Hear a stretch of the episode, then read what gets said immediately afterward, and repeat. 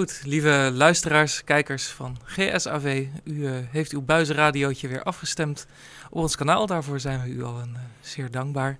Uh, vandaag in de studio twee onderzoeksjournalisten die samen al meer dan twintig boeken hebben geschreven. Arnold Karskens, Henk Willem Smits. het grootste deel op rekening van Arnold Karskens, ook oorlogsverslaggever en voorzitter van de Stichting Onderzoek Oorlogsmisdaden. En uh, zij schreven een boek over uh, Guus Kouwenhoven. Guus Kouwenhoven is een Nederlandse zakenman die veroordeeld is voor het um, ja, betrokkenheid bij de oorlogsmisdaden in Liberia tijdens de burgeroorlog daar. Uh, omdat hij het regime gesteund zou hebben met wapensmokkel en de financiering van het regime met de houthandel. Um, Arnold, als jij Guus op een feestje zou moeten introduceren, hoe zou je dat doen? Wat voor man is het? Nou, gangmaker. Gewoon een, he een hele toffe peer om uh, mee door te zakken. En dat is ook zijn kracht natuurlijk. Ja. Om uh, als schurk toch goede omgang te hebben met, met mensen. En zeker de leidinggevende figuur in Afrika. Dan moet je een bepaald charme hebben. moet je goed op, ze, op het gevoel kunnen inspelen. Ja. En in de tussentijd uh, uh, nou ja, de, de, de, meest smerige handel kunnen drijven. En dan op een gegeven moment ook toestaan dat met jouw geld uh, wapens worden gekocht. Waarmee, nou ja, zeker in, in die oorlog, laatste Liberiaanse burgeroorlog, mm -hmm. iets van 100.000 mensen om het leven zijn gekomen. Wat hem dan dus ook een van de grootste oorlogsmisdadigers, Nederlandse oorlogsmisdadigers van de laatste decennia maakt. Ja. En kun je een overzicht geven van wat hij nou precies op zijn kerststok heeft? Nou ja, hij, hij, is, hij, is, veroordeeld tot 19 jaar cel mm -hmm. wegens uh, wapensmokkel. Hij had een haven daar in Buchanan, in, in, in Liberia. Daar kwamen de wapens binnen. Mm -hmm. en, en, hij is betrokken geweest, of medeplichtig geacht bij oorlogsmisdaden. Omdat hij daar ook in die kapgebieden, waar hij dus in Liberia uh, eigenaar, deels eigenaar van was... Uh, zijn mensen vooruit heeft gestuurd om te vechten tegen opstandelingen. Ja. Waarbij de meest verschrikkelijke oorlogsmisdaden zijn uh, gepleegd. Ja, iets wat hij zelf altijd is blijven ontkennen natuurlijk. Nou ja, inderdaad. Ja, maar ja, goed, dat, dat, dat bijna iedere misdadiger natuurlijk, zeker ook oorlogsmisdadiger, die, die nivelleren hun uh, betrokkenheid bij dat soort oorlogshandelingen. Uh, ja. Hij zegt zelf dat hij nooit in die kapgebied is geweest. Hij zegt zelf van ja, ik was dan wel officieel voorzitter of directeur van, van OTC, uh, Oriental Timber uh, Corporation. Maar ik kwam eigenlijk nooit in dat gebied zelf, dus ik, ik, ik deed er niks aan. Mm -hmm. En hij uh, wijst eigenlijk alleen maar naar Charles Taylor, dat was toen de tijd de president, ja. als de grote boosdoener. En, maar goed, ik, ik heb meer te maken met oorlogsmisdadigers. Frans van Aanraad, die zei eigenlijk hetzelfde. Van ja, kijk eens, ja, ik, ik kocht dan wel onderdelen voor, voor waar ze dan uiteindelijk gifgas voor hebben gemaakt. Maar ja, ik heb die bommen niet laten vallen. Ja. Dus dat is, dat is, heel typerend. En dat is ook belangrijk in, in de zaak uh, Guus over. Dus dat je niet altijd de trekker over hoeft te halen om veroordeeld te kunnen worden ja. voor oorlogsmisdaden. Ja, want hij is natuurlijk wel veroordeeld. En, maar jullie uh, hebben een lange geschiedenis met hem. Want uh, al, nou ja, al tien jaar of, of zoiets publiceren, vijftien jaar publiceren jullie over. Ja. Ja, hoe, hoe zijn jullie hem op het spoor gekomen eigenlijk? Ja, uh, vanwege, uh, er waren een paar NGO's, mm -hmm. met name Global Witness en Greenpeace, die hebben hem eigenlijk op de radar getrokken. De, de Britse pers begon erover te schrijven in 2001, 2002 en ik werkte op dat moment voor het Parool. En ik, ik, las dat in de Observer, denk ik. En toen ben ik daar ook mee aan de slag gegaan. Ja. En uh, ja, jullie hebben hem ook zelf gesproken, neem ik aan? Ik ja. heb hem wel eens in de rechtbank gesproken en Arnold ja. heeft hem nog een keer opgezocht uh, in Parijs, ja. waar hij ook regelmatig uh, vertoefde. Ja, we hebben, het eerste grote lange interview was toen de tijd met Nieuwe Revue, waarbij mm -hmm. hij alles ontkende. Ja. En, maar dat was een paar maanden voor zijn arrestatie. Nou, toen is hij natuurlijk eerst veroordeeld tot acht jaar cel wegens wapensmokkel. Mm -hmm. Toen is hij vrijgebroken in hoger beroep en dat moest overnieuw. En nou, en uiteindelijk is hij uh, twee jaar geleden veroordeeld tot... Uh, vorig jaar. Vorig jaar zelf, ja. ja. Vorig jaar veroordeeld tot, tot, tot, ja. uh, tot 19 jaar cel. Ja. En dat is eigenlijk best een belangrijke en unieke veroordeling. Dus als ik zo de, de buitenlandse kranten erover lees, uh, de uh, Amerikaanse kranten, the Dutch try one of their own for war crimes. Ja. Dus alsof het echt een... Uh, ja, dit is heel, heel zeldzaam, want hè, dat is zoals de oud-aanklager van het Joegoslavië-tribunaal zei, hè, dit soort zakenmannen opereren eigenlijk in een soort uh, juridisch vacuüm. Ja. ja. want in die, in die landen zelf, ja, die zijn vaak zo corrupt. of zo slecht geëquipeerd dat ze eh, dit soort mensen niet, eh, niet vervolgen. Hm. En eh, ja, dat dus eh, het, het, moederland van zo iemand eh, dat doet, is eh, ja, heel uniek. Dat zie je niet vaak. Mhm. Want volgens mij is Van Anraat gewoon in, in Nederland opgepakt. Hè? Die zat ook echt in Nederland. En, eh, Ja, die is uiteindelijk in, in ja, hij is, En- wel, is wel gevlucht naar Irak en Ja. later is hij teruggekomen. maar Guus, eh, ja, die was een keer bij zijn moeder op bezoek in Rotterdam. En toen hebben ze hem, eh, hebben ze hem uit de trein eh, Ja, ja, eh, ja. gevist. En eh, ja, dat is toch, ja, dat is... Ik kan geen ander voorbeeld noemen. Ik denk inderdaad niet in de wereld. Hm. Ja, en voor de Afrikanen is het ook erg belangrijk, hè? want je had bijvoorbeeld het Sierra Leone-tribunaal. Ja. En eh, ook het Rwanda-tribunaal. En dan gaat het altijd over Afrikaanse leiders die veroordeeld worden. En, Ja. en, en die Afrikanen die zijn altijd een beetje gevoelig daarvoor. Dus het is heel belangrijk dat ook een Europeaan, een, een zakenman, veroordeeld is voor die oorlogsmisdaden. Juist omdat dat soort mensen een enorme chaos creëert in Afrika. En ook die migrantenstroom op gang brengen. Kijk, Liberia was gewoon een, een knekelveld, was gewoon een ruïne door die oorlog die, ges- die gesponsord werd door eh Guus Kouwenhoven. En daarom is het zo belangrijk dat je, dus niet alleen Guus Kouwenhoven, maar ook, ook grote multinationals vervolgd kunnen worden op de, de wandaden die zij mogelijk maken. Ja, dat, dat staat letterlijk eh, op een zeker moment in het boek dat een eh, zeer belangrijke motivatie om deze zaak aan te dragen bij het OM van het ministerie van Buitenlandse Zaken was dat er ook eens een keer nou ja, een blanke dan de verantwoordelijkheid draagt voor eh, ja. Ja. zo'n ja. Nee, zei, Ja. ja. Nou, het gaat niet alleen om het blank is. Maar ik bedoel, eh, de Aziaten die zijn natuurlijk ook zeer actief. Hè? Ja. Dus eh, hij werkt ook samen met, eh met Chinezen. Ja. En, eh, maar het, is- het is, nou ja, het, het, het- laten zeggen, het effent het pad om grote boeven anders dan uit Af- Afrika te, te, te kunnen veroordelen. Dus het is, ik denk dat iedereen daar profijt van heeft. Afrika, maar ook Europa en Azië. Ja, want ehm, in, in één passage in het boek hebben jullie het ook over dat het een soort hedendaagse voortzetting is van de VOC-mentaliteit. Van die, die vrije jongens die dan naar zo'n Afrikaans land gaan, wat compleet in chaos ligt, en daar dan toch op een of andere manier uit die chaos geld weten te verdienen. Want je, je noemt er een aantal. eh, dus hij is Ja. zeker niet de eerste. de Nou, er zaten opvallend veel Nederlanders in eh, Liberia inderdaad. En dan met Ja. name, eh, ja, de- inderdaad, ja, vrije jongens, zakenmannen die op het randje Hm. durven te werken. Ja, ook voor de drugshandel werd Liberia vaak gebruikt als overslag. Hè? ja, Dus alle hash die uit Pakistan kwamen, en dan heb je het over enorme grote hoeveelheden van honderden miljoenen euro's, ja, die werden daar overgeslagen. Op Dus een- visserschepen, ja. Dus het is ja, waren geen specerijen, maar eh het timber en, en, en hashish. Maar het, het laat wel zien dat, en dat is Afrika natuurlijk ook deels verantwoordelijk voor, is dat je daar wel je kunt ontplooien als, als, eh, als, als slecht zakenman. En eh, dus zij moeten er wat aan doen, maar wij moeten ook, al vind ik, als, eh, als het Westen daar ook eh, heel erg op letten. Dus dat dat soort gasten niet, niet alleen het werken wordt onmogelijk wordt gemaakt, maar ook dat ze worden veroordeeld. En als ze dan ontsnappen, zoals hij, want Guus die zit natuurlijk in Zuid-Afrika, Ja. leeft nog als vrij man, moet zich af en toe nog wel melden op het politiebureau. Maar ook inderdaad wordt opgesloten. Veel Afrikanen, want we hebben contact met die Afrikanen, die zeggen ook van ja, nou hij is wel veroordeeld, maar hij, zit met zijn kapitaal, want hij is een zeer, eh, zeer eh, rijk man. Eh, nog steeds in, in Kaapstad met uitzicht op de Atlantische Oceaan. ja, en de Gouden Rolls Royce. Eh, Ja, nou ja, bijna dan wel, maar eh, de Rolls Royce had hij dan in Rotterdam had Nederland. hij, een, eh, dat klopt, in Rotterdam had hij een goudkleurige. Rolls Royce. ja, eh, eh, Die rijdt er nog steeds rond, maar die is nu van iemand anders. eh. Oké, ja, ja. Dat is de tweede, want die eerste die ging over de kop. maar een week daarna was er een nieuwe, snap je? Ja, Dus is- ja, ja, dat kan gewoon, Hij eh, heeft, heel, veel Nee, geld. geld speelt geen rol eh, Ja. Nee. bij hem. Nee. Dat is heel opvallend. Ja. Ja, want wat, jullie ook op de boekpresentatie eh, zeiden, is het, is het opvallend dat eigenlijk de aandacht voor dit soort echt hele grote boeven is betrekkelijk gering vergeleken met bijvoorbeeld de Hollanders voor deze Ja. wereld of de Mokka-maffia, terwijl deze jongens dus nog een laag boven zitten. Want Ja. hij heeft dus ook connecties met die drugsmafia, dus met Holleder, Enstra, Wijsmuller. Nou, al- in dit boek komen alle Ja. grote namen komen, komen langs. Ja, En we moeten heel voorzichtig zijn. We kunnen niet zeggen, maar hij heeft ermee samengewerkt. Want anders Dat hangt is, hij dat is natuurlijk niet bewezen. ja. Maar ja, het is wel opvallend dat, dat veel van die, van, die, van die mensen ook in het boek verschijnen. Mhm. En, en dat laat zien dat je als, als gewoon zakenman, want hij is gewoon begonnen als autodief, hè, Ja. ehm, het op een gegeven moment door kunt rollen als je die wordt tegengehouden. Ja. En dan passeer je dus ook die, die, die, eh, ja, die, die drugsmafia, de, de, Ja. de Holletertjes van deze zaak. Maar het is wel zo, en dat, dat, daarom hebben we ook dit boek geschreven, dat Holleder eigenlijk nog een, een klein mannetje is in vergelijking tot, eh, tot de wandaden die Guus Kouwenhof heeft gepleegd. Kijk eens, want Holleder die heeft met name onder zijn eigen mensen eh, lopen, lopen moorden, of tenminste, daar wordt hij van verdacht. Mhm. En dan gaat het om zes of zo.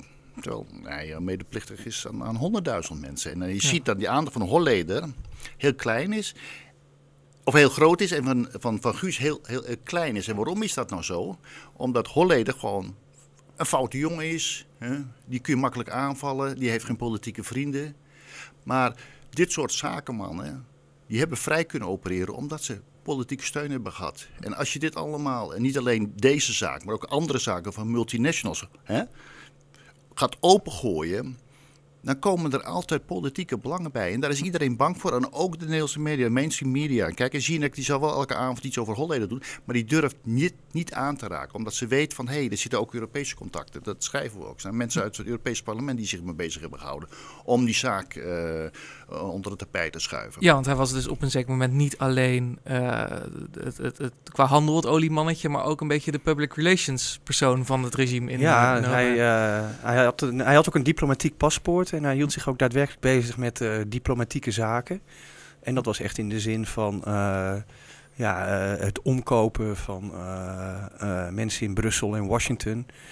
hij heeft het voor elkaar gekregen om een Britse Europarlementariër te laten bemiddelen voor Charles mm -hmm. Taylor.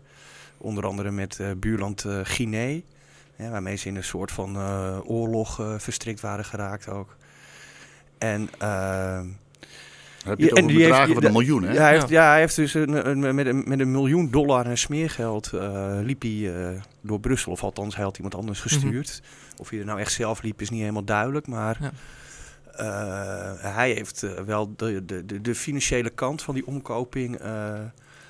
ja, dat en dat heeft hij ook toegegeven ja. tegenover de politie. Dat, dat, dat, heeft hij verzorgd. Ja, Dat, is, dat is echt de les hoor. Dus dat je de hele grote boeven van deze wereld... door een politieke contacten eigenlijk niet echt worden vervolgd of uh, echt aan worden gegrepen. Snap je? Mm. Dit is een uitzondering, maar ja, het is ook het langslopende proces in de Nederlandse geschiedenis. Dus het heeft ontzettend lang geduurd. Ja. Ja. eindelijk is hij dan veroordeeld. Ja. En, uh, en hij is dan maar de enige, snap je? Mm -hmm. Maar er zijn heel veel van die gasten, die, of over nou Rwanda is, of zeker ook in Congo, met het ontginnen van al die, die, die delfstoffen, die hebben natuurlijk ook op een of andere manier bloed aan hun handen. En, en dat moet worden aangepakt. Wil je voorkomen dat Afrika verder rolt naar de afgrond? Ja. Wil je voorkomen dat die enorme migrantenstroom richting Europa blijft gaan? Dus we, we, hebben, we hebben door het vervolgen van dit soort mensen, hebben we zelf of kunnen we het, het, heft in handen nemen? Daarom zo belangrijk. En daarom ben ik ook heel erg teleurgesteld in, in de mainstream media. Dat ze dit niet durven aanpakken. Want dat is het. Hè. Behalve dan dat er een bepaalde racistische component zit. Hm. Snap je? Want het, het zijn maar 100.000 Afrikanen. Ja, en, het, is, het, het Liberia is natuurlijk wel zo'n het, is zo'n paradigmatisch conflict waar je dan af en toe uh, spotjes van NGO's van geef geld, het gaat verschrikkelijk mis uh, ja, de televisie nou ja, voorbij komen. Maar, die willen het ja. een beetje in stand houden, want dat is een, een, een verdienmodel. Snap je? Maar heel weinig NGO's maken zich druk om dit soort gasten. Terwijl ze eigenlijk wel de kern van de. Van de van nou ja, de maar de bal is, de bal is de, toch bal is gaan rollen, gaan rollen door. door, uh, door ja, nou, zo.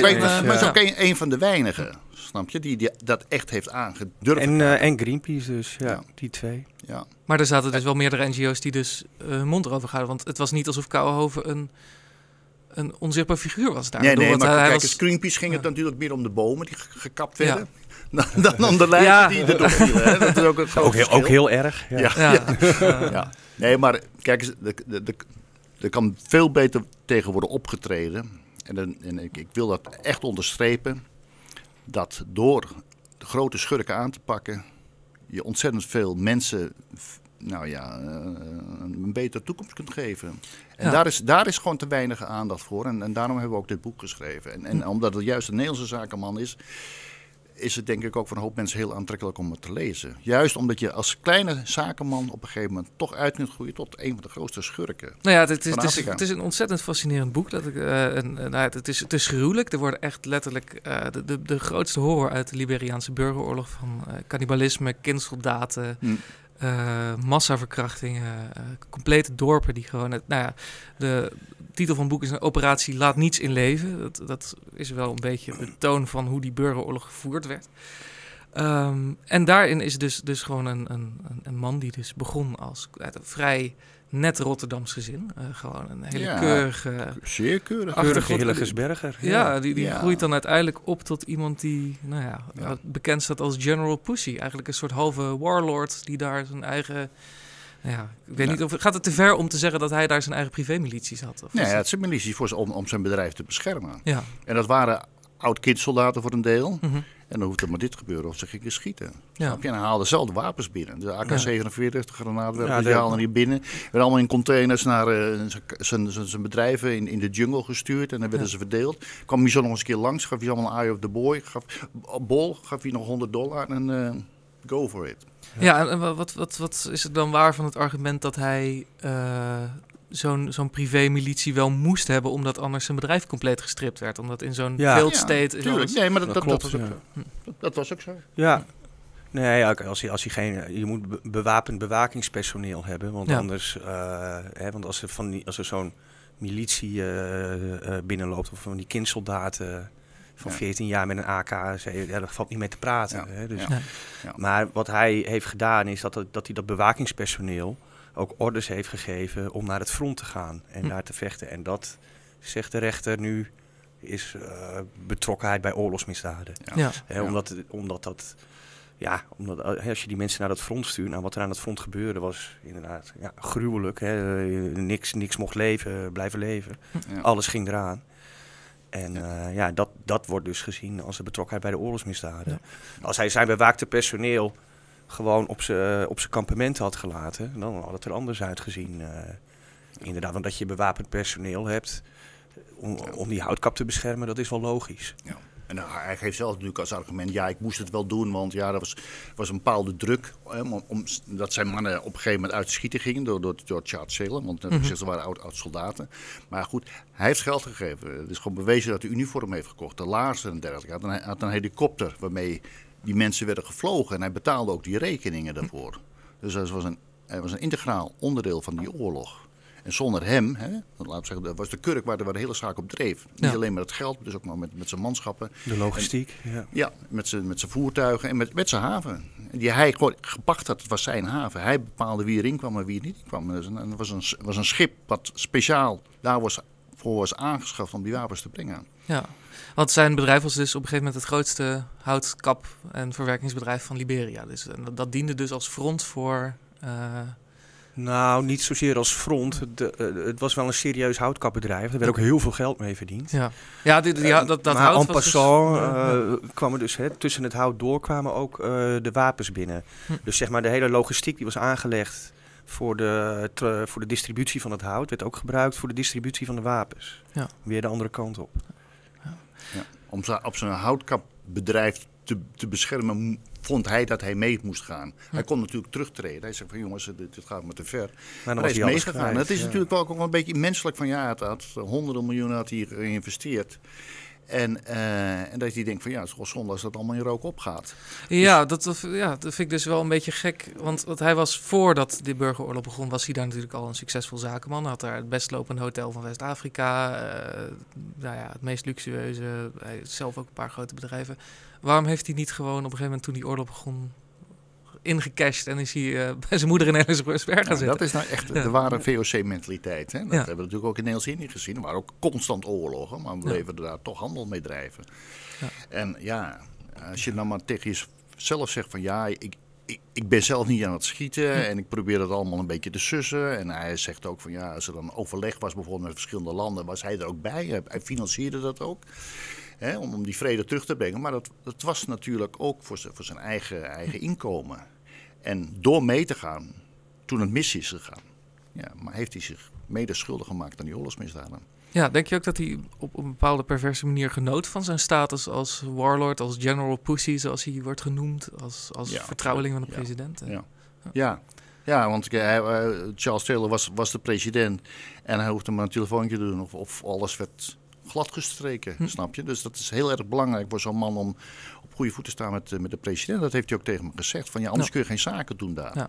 Ja. Dus hij, ja, en hij, hij, nou, hij had het prachtigste hotel van heel West-Afrika. Mhm. Hotel Afrika. Weet je, iedereen kwam daar naartoe. Hij had een, een Steinway piano en had een casino. En, ja, en het is ook een showbing. Dat was Ja. je vroeger al in. Rotterdam. Dan liep je ook al alle, alle grote zaken af om te zien. Kijk eens, hier kom ik er een dikke Cadillac. Ja, nou, als je dat in Afrika ook hebt. Ja, de man. En uh, al die vrouwen komen op me af. En, hij heeft niet, voor, niet voor niks General Pussy, snap je? Ja, Hij hield ja, gewoon ja. heel erg van vrouwen. Dus ja, Ja. ja. ja, hij genoot ervan, absoluut. Hm. Ja. Ja, dat is wel echt... eh, ja, nou en, en hij zit nu in, in Kaapstad nog, nog steeds te genieten van zijn, eh, van zijn miljoenen. mhm. En nu is er wel een, een, een uitleveringsverzoek vanuit Nederland om, om hier naartoe te halen. Maar ja, ik heb de twijfels of hij, of hij inderdaad wordt uitgeleverd. Kijk eens, is nu alweer een nieuwe rechter aangeschoven. En eh, dat duurde weer een maand of twee voordat eh, die zaak wordt behandeld. En het- in die tijd ga je ook weer in hoger beroep met andere zaken. En tegen de tijd dat dat een beetje benauwd wordt, dan, dan geef je zo'n rechter gewoon, weet ik wat, een paar honderdduizend. En dan treedt hij af en dan moet er een nieuwe komen. En dat duurt weer zoveel tijd voordat hij is ingewerkt. Dus ik denk dat hij nog heel lang uit kan zingen in Zuid-Afrika. Er is te weinig politieke druk sowieso. De politiek zwijgt helemaal over dit zaak. Ja. Ook omdat de mainstream media er heel erg over zwijgt. En, ehm, en hij kan altijd ontvluchten. Hij heeft ook nog steeds belangen in eh, Congo-Brazzaville. Een beetje hetzelfde als in Liberia. Je staat je op goede met de president. ja, Ja. En, en eh, nou, ik ben er geweest, maar je, je doet vijf stappen en je bent verdwenen in de jungle. ja. Dus het is de vraag of je ooit terugkomt. En, en zonder politieke druk, zonder druk van de media, blijft hij daar. Let, let maar op. En, en dat zal heel kwaad bloed zetten bij de Afrikanen zelf. Waarom wel Charles Taylor en zijn zoon in de gevangenis, maar dan niet eh Guus Kouwhoven. Nou, ehm, Henk Willem, eh, je had hem natuurlijk ook eh, op de radar omdat hij in een bepaalde top 500 stond van een bepaald niet nader te noemen zaakblad. Wat ook wel weer aangeeft dat dit soort mensen gewoon in de, nou ja, aan de oppervlakte zitten in de top van het Nederlands zakenleven. Ehm, staat hij daar alleen in of zijn er meer van dat soort types? Of eh, hoeveel, hoeveel zou, zou het om, om Types hoeveel als? Kouwenhoven. Ja, Ja, ik denk dat er wel eh, meer zijn. Maar je moet ze even zien te vinden. Hm. Er is volgens mij op dit moment, eh, zeg maar in, in, in, in de bosrijke gebieden van Afrika, is er niet zo'n conflict eh, als toen in Liberia was. Hm. Dus, eh, maar wellicht als er eh, inderdaad in Congo weer is Ja. eh, de Nou, pleuris uitbreekt, dat er wel weer een Nederland erboven komt drijven. Je hebt één, één bekend figuur, eh, dat is eigenlijk een, eh een Rhodesiër, maar die heeft Mhm. ook een Nederlands paspoort. eh Bredekamp heet hij. En die heeft zich wel bezig gehouden ook met de exploitatie van mijnen in eh, Belgisch Congo, dus zeg maar. Het, Ja, het ja, grote eh, Congo, niet te verwarren met het Congo van eh Kouwenhoven. Brazzaville ligt net ten noorden. Dus waarschijnlijk zijn er wel meer eh, ja, eh, blanke zakenmannen die eh, heel veel geld verdienen over, eh, over hele ellendige Ja. Ja, praktijken. je, daar. maar je ziet in Afrika dat de Chinezen de markt een beetje hebben overgenomen. ja. je ziet ook heel veel Libanezen bijvoorbeeld. Hè? En dat zijn ook eh, niet zelden gelinkt aan Hezbollah, die daar ook ja, eh, zeer, zeer hardcore exploitatiekapitalisme. Ja. Ja. Dus En, en daar is de vervolging natuurlijk veel moeilijker van, want Libanon is zelf Nee, natuurlijk Libanon, niet echt wordt een, eh, Ja, kijk eens, die eh, Chinezen zijn halve staatsbedrijven, die, die gaan er echt niet achteraan. Maar ja, die halen natuurlijk nogal Afrika leeg. En, en, Ja. en die doen het wat, wat discreter dan, dan Guus in zijn Hotel Afrika. Maar Ja, ik bedoel, ja, het valt helemaal niet op. Nee. Maar ze zijn natuurlijk, zeker ook in, het oosten van Congo, zijn ze mede verantwoordelijk voor al die, voor die militia's. Hè? Want als je, Hm. als je delfstof hebt, dan is er geld. Dus al die gangs die willen daar iets te zeggen hebben, die lopen met een geweer te zwaaien. hè, Van kom maar op met je centen. En, en die, Hm. die Chinezen, die zullen moeten betalen. Want anders krijgen ze die, die, die delfstoffen gewoon nooit. Ja. En dat is hetzelfde precies met Guus, met zijn hout. Ja, dat, dat, dat gaat echt enorme bedragen in om. En dat Ja. is verleidelijk voor, eh, voor bepaalde zakenmensen. Ja, maar anders dan bij China loopt dat in Nederland niet via de overheid, eh, zoals ik begrijp. Of uh, nee, semi-staatsbedrijven. eh, Nou, nee, die, die Chinezen, dat, dat heeft allemaal staatsinvloed natuurlijk. Hij, hij, hij niet. Maar net wat ik zeg, dus altijd, hij heeft al wel altijd politieke vrienden gehad. En dat is heel opmerkelijk. Want ja, zeker als je dat in de context ziet van 19 jaar cel. Maar het openbaar ministerie wilde eerst niet vervolgen. nee. Die dachten van, ah ja, het is al gebeurd, maar in Afrika laat maar zitten. Ja, dat te is ver te weg, te moeilijk. Ja, ja, ja. ja, nee, Maar is dat gewoon luiheid, ver van mijn bed? Nee, maar dat, ook, nee, het- ook van aanraad was precies hetzelfde. Ook voor Hm. dat dat de gifgasleverancier van Saddam Hussein wilden ze eerst niet vervolgen. Nee. En, en, en dat, dat is pas op gang gekomen toen erover gepubliceerd werd. Want toen, ja, toen moesten ze wel kleur bekennen natuurlijk. En dat is ook met, met Guus. Maar die, die politieke connecties in Nederland, die, daarvan heb ik in ieder geval geen bewijs van gelezen in het boek. Nee, maar hij kent wel de zoon van Mitterrand eh, bijvoorbeeld kijk, heel het- goed. Ja, het- het- ja, de maar grote jongens, de het grote jongens. Hij gaat naar Brussel. Ja, in Nederland valt wat, er werd niet zoveel te halen natuurlijk. Maar in, in, in Brussel en in, in, In Brussel en Parijs, Parijs wel. wel. Ja, ja, ja. ja. Ja. Ja, dat zijn natuurlijk ook die landen die van oudsher veel sterkere band hebben met de regio dan Nederland. En Ja. Hongkong en, en, en, en, en noem maar op, Singapore, weet je, want Ja. da- daar ligt ook zijn markt. Taiwan. Ja. eh, Ja, dus het is, het, is, vaak, eh, het is een Nederlands zakenman met heel veel internationale contacten. Ja, ja, Maar die heeft hij wel nodig. Dus eigenlijk Nederland een beetje ontgroeid qua... Al vrij snel hoor. Ja, hij, eh, hij heeft hier, eh, waar heeft hij allemaal in Manila gewoond en in, eh, en in Libanon gewoond en eh, in Miami. En eh, Hm. heeft hij ook waarschijnlijk nog steeds wel huizen. Ja. En Ja. kinderen op school geloof ik. In Parijs heeft hij nog een heel groot appartement. Ja. en hij is natuurlijk gewoon ook nog een uh, kunstdief. Hij heeft natuurlijk ook met een Rembrandt lopen leuren die gestolen was. Ja, Snap je? Dus, eh, dus het is in niet Los alleen... Angeles heeft hij Ja. gewoond inderdaad. Ja, in gevangenis. Jail. het is gewoon, ja, het is gewoon, het, is gewoon een, een- een, een boef. En op, so- soms een hele charmante boef. mhm, Hè? Net wil ik zeggen, als je met hem praat, is het gewoon een hele gezellige kerel. ja. Maar ja, wat we ook schrijven, een Januskop, draait zich om. En dan is het natuurlijk gewoon een hele grote boosdoener.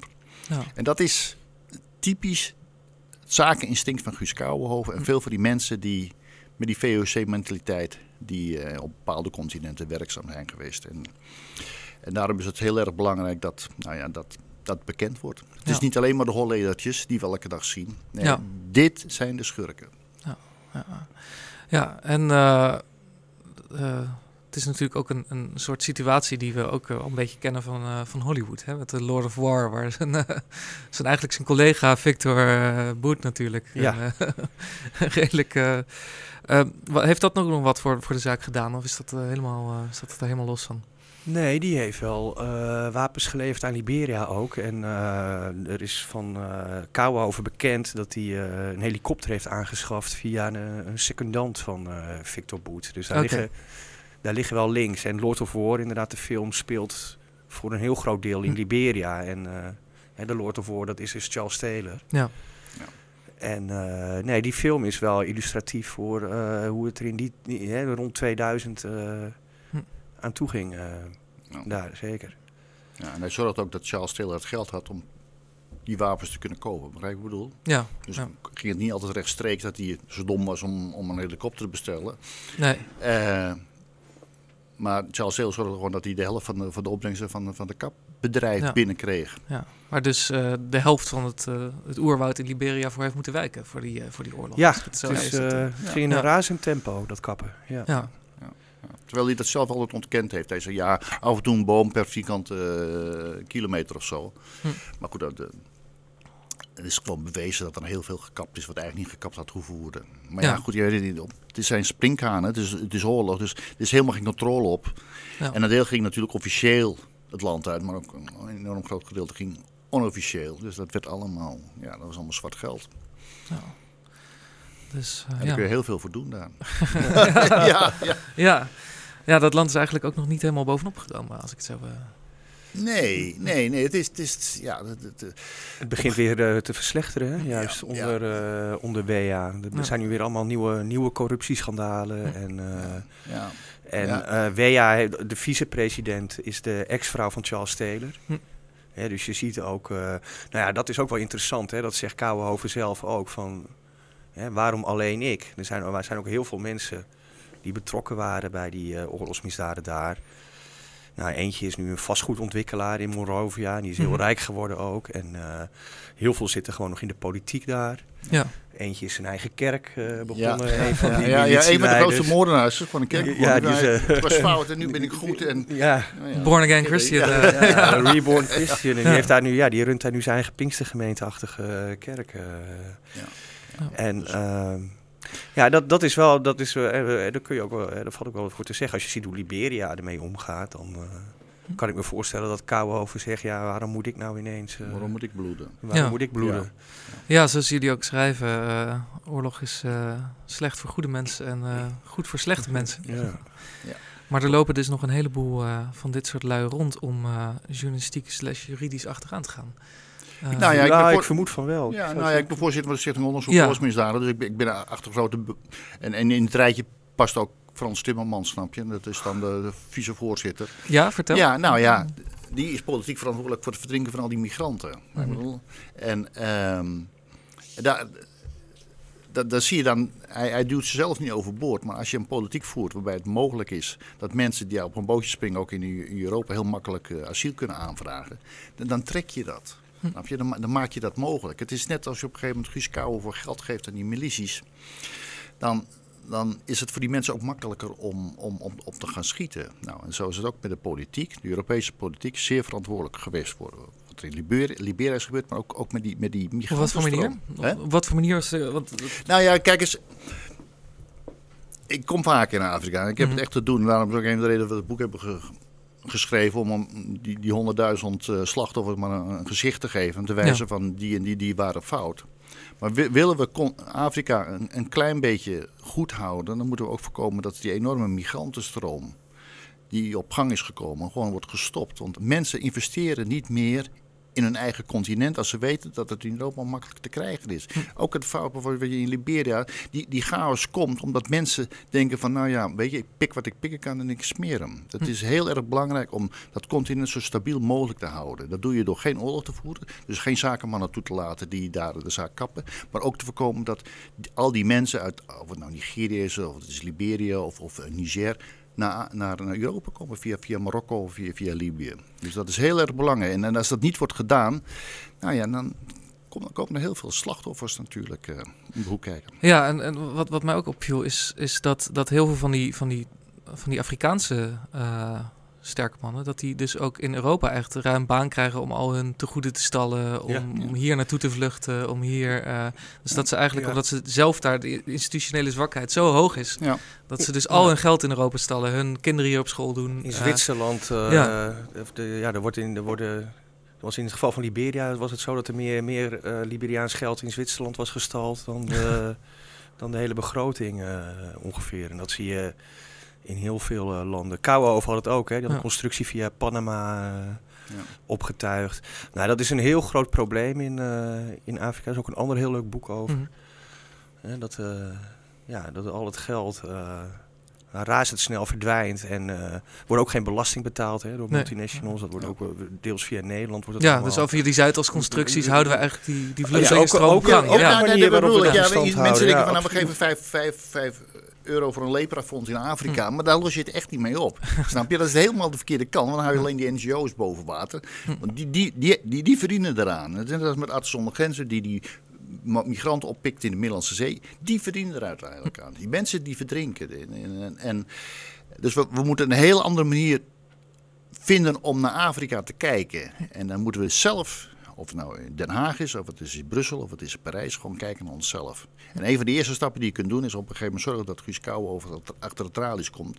En zodat je het signaal afgeeft van iedereen die foute zaken doet in Afrika, die ontloopt zijn straf niet. En er inderdaad ook voor zorgen dat ze niet uh, naar Bond Street en, of de Champs-Élysées gaan en uh, bij Louis Vuitton daar leeg kunnen kopen. Hè? Want dat, dat, dat zag je ook gewoon met Taylor en Kouwenhoven. Die ja, liepen gewoon te shoppen. Ja, die vliegen naar Barcelona om, een, om een, uh, handtasje te halen van 20.000 euro. Ja. En, uh, en dat is echt peanuts voor ze. Het ja. gaat om zulke grote bedragen, dat hou ik bijna niet voor mogelijk. Ja, want wat, wat, wat mij opviel is, is dat, dat Liberia tot, tot in de jaren 80 werd beschreven als een van de meest welvarende landen van Afrika, waar gewoon ja. uh, de straatverlichting het deed en je naar het ziekenhuis kon. En, gewoon het leek op Amerika ja. heel erg. En dat dat, dat, dat binnen, binnen enkele jaren compleet voorbij was toen die elite gewoon het geld begon weg te sluizen. Toen ze het land als, als wingewest begonnen. Nou, ja. dat heeft wel wat langer geduurd hoor. Het begon eigenlijk uh, rond 1980. Mm -hmm. Toen kwam er daar een uh, nieuwe president. Uh, nou, want Liberia is even heel kort. Hè, dat was een Amerikaanse kolonie voor, bevrijde, voor vrije slaven en vrijgeborenen. De Verenigde Staten wilden daar graag van af. Dus hebben ze Liberia gesticht in de hoop dat de Afro-Amerikanen daarheen zouden trekken. En die hebben altijd de macht gehad tot ongeveer 1980. En mm -hmm. toen is er iemand van een lokale stam is president geworden. En uh, het was al wel kleptocratisch, maar die heeft het in, een, in een, een, tandje sneller, een tandje in de versnelling gezet. Mm. En in de loop van de jaren 80 is dat land afgegleden. En toen hij dus in 1990 uh, ja, werd vermoord en vervangen, uh, ja, toen brak helemaal de hel los. En is, het, ja, is het echt tot, tot, de laatste steen gesloopt. Ja. tot de laatste steen gesloopt. Maar die aftakeling was al wel uh, toen al wel tien jaar bezig. Ja. Alright, ehm, nou, uh, ik wil jullie in ieder geval hartelijk bedanken om uh, dit boek te kunnen toelichten. Um, als u dit ziet, als u dit hoort, koop het boek. Het is uh, niet heel goed voor je vertrouwen in de mensheid. Het is wel heel goed geschreven. En nou ja, laten we maar hopen dat het bijdraagt tot het recht, ja. Tot een beter Afrika. Beter Daar zijn we allemaal, hebben we allemaal profijt van. Dat, dat, dat, dat moeten we echt niet onderschatten. Ik, ik, ik, gun die Afrikanen echt het beste. Dus we moeten zorgen dat we de kwaaie pieten opsluiten. En Guus is er één van. Is het volgende boek alweer in de maak? Over de volgende boef? okay. dan lopen genoeg boeven rond hoor. Dus uh, ik heb het nog niet uitgeschreven. Goed, dan eh, zien we dat te zijn de tijd wel weer. Dankjewel. Ja, dank je.